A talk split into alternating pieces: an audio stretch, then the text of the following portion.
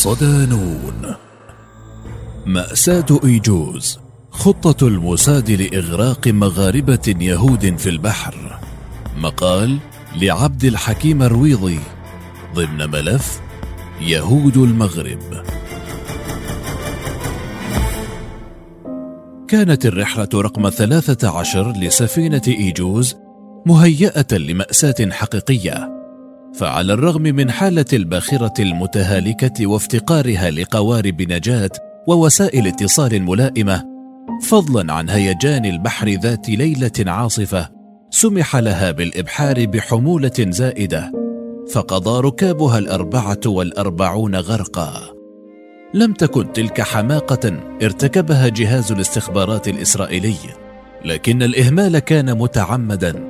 إذ إن الكيان حديث العهد كان يخطط يومها لحدث مثير في المغرب فلماذا اختار جهاز الموساد التضحية بهؤلاء المغاربة اليهود العزل الذين وعدتهم الصهيونية بأرض جيدة وواسعة تفيض لبنا وعسلا؟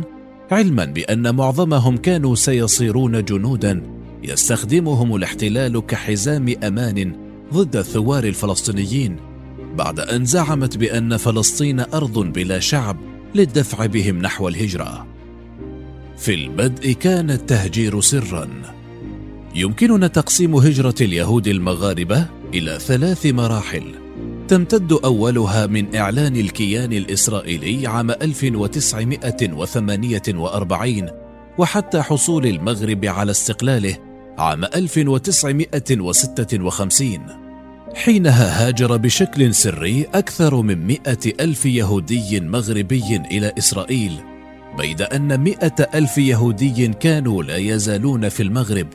وخلال الفترة الثانية الممتدة من 1956 إلى 1961 خرج نحو 25 ألف يهودي من المغرب بشكل سري أيضا.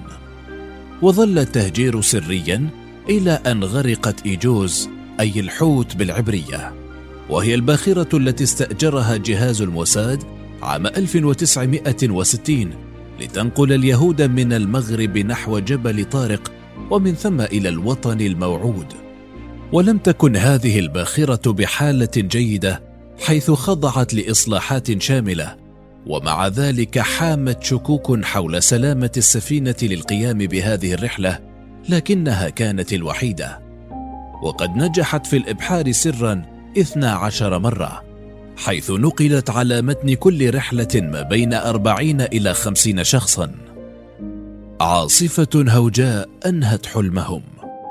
برد شديد وظلام دامس انتظر المغاربة اليهود الأربعة والأربعون رجالا ونساء وأطفالا وصول الباخرة المتهالكة التي رست على شاطئ مدينة الحسيمة يوم العاشر من يناير كانون الثاني سنة 1961 وآخر حلمهم كان أن يروا شواطئ الوطن الذي وعدتهم به الحركة الصهيونية لكن بعد ساعتين من الإبحار لم ينجو أحد منهم.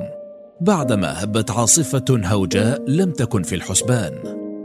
لم تقوى إيجوز على مقاومة الأمواج العاتية وفي الساعة الثالثة بعد منتصف الليل لم يظهر لها أثر وقبيل ذلك استحوذ قبطان الباخرة وطقمه الإسباني على قارب النجاة الوحيد ولاذوا بالفرار تاركين اليهود العزل يصارعون الغرق.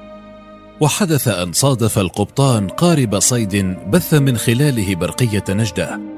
كما فعل ذلك عميل للموساد فتحركت مراكب من إسبانيا وجبل طارق والجزائر والمغرب لإنقاذ الغرقى لكن الأوان كان قد فات حيث غرق الجميع ولم يتم العثور إلا على 22 جثة ضمنهم 16 طفلا بينما فقد الباقون في عرض البحر. تأليب الرأي العالمي ضد المغرب.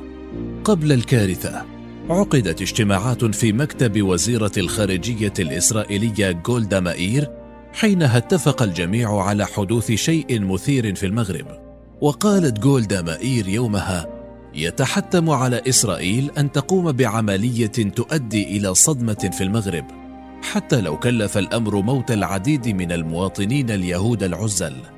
لهذا استأجر الموساد سفينة غير صالحة. صحيح أنهم لم يغرقوها لكنهم كانوا على دراية بأنها سوف تغرق في البحر.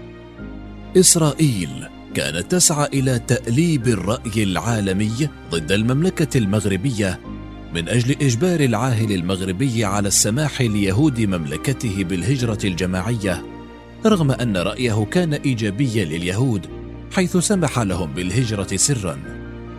أيام حرب الاستنزاف وتصاعد خطاب القومية العربية مارس جمال عبد الناصر ضغوطاته على الملك الراحل محمد الخامس حتى يتدخل لوقف هجرة اليهود.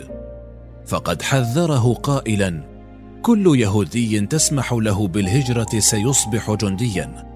ورغم أن الملك المغربي لم يرفض طلب الرئيس المصري استمرت الهجرة السرية من المغرب نحو إسرائيل تحت رعاية السلطات المغربية بشكل غير رسمي من خلال سياسة التساهل. الموساد خطط لتقديم شهداء يهود.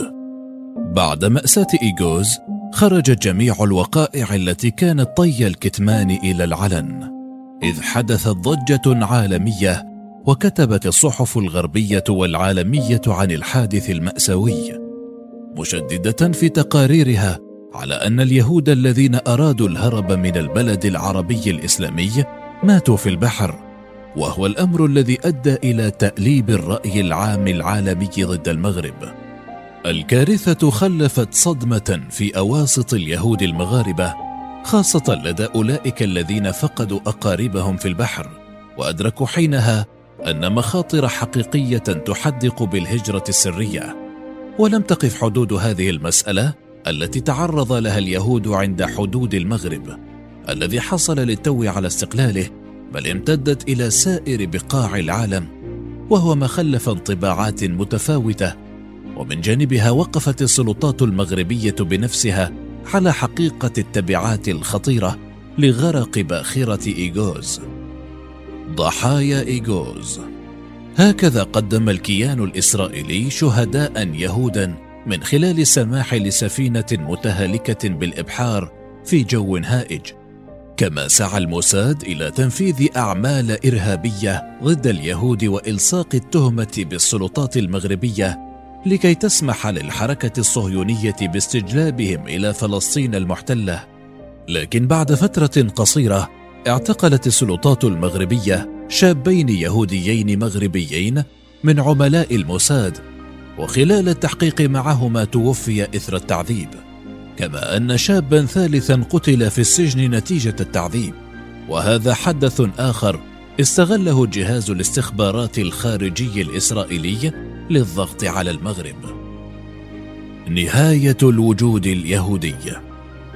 يومها كان الملك الراحل الحسن الثاني حديث عهده باعتلاء العرش منذ مارس اذار 1961 فأجريت مفاوضات معه من أجل السماح لليهود المغاربة بتلبية نداء حنينهم إلى بلاد الملك سليمان والملك داود فكانت النتيجة أن استجاب لطلب إسرائيل بتهجير اليهود. هنا يأتي الطور الثالث والأخير من هجرة اليهود المغاربة نحو فلسطين المحتلة أو ما يعرف باسم عملية ياخين بدءا من نوفمبر تشرين الثاني عام 1961 إلى 1966 حيث شكلت مرحلة الهجرة القانونية التي تمكنت من ترحيل نحو سبعين ألف يهودي مغربي إلى أرض الميعاد عبر دولة ثالثة لا سيما فرنسا وجبل طارق. كان ذلك إعلانا عن نهاية ما يقارب ألفي عام من تاريخ الوجود اليهودي في المغرب فقد بقيت قلة قليلة لم تأبه للدعاية الصهيونية. أما الذين التحقوا بالكيان الإسرائيلي فقد اكتشفوا فيما بعد انطلاء الخدعة عليهم. فما كانوا ليهاجروا من وطنهم المغرب لو أنهم عرفوا مسبقا ما كان في انتظارهم هناك.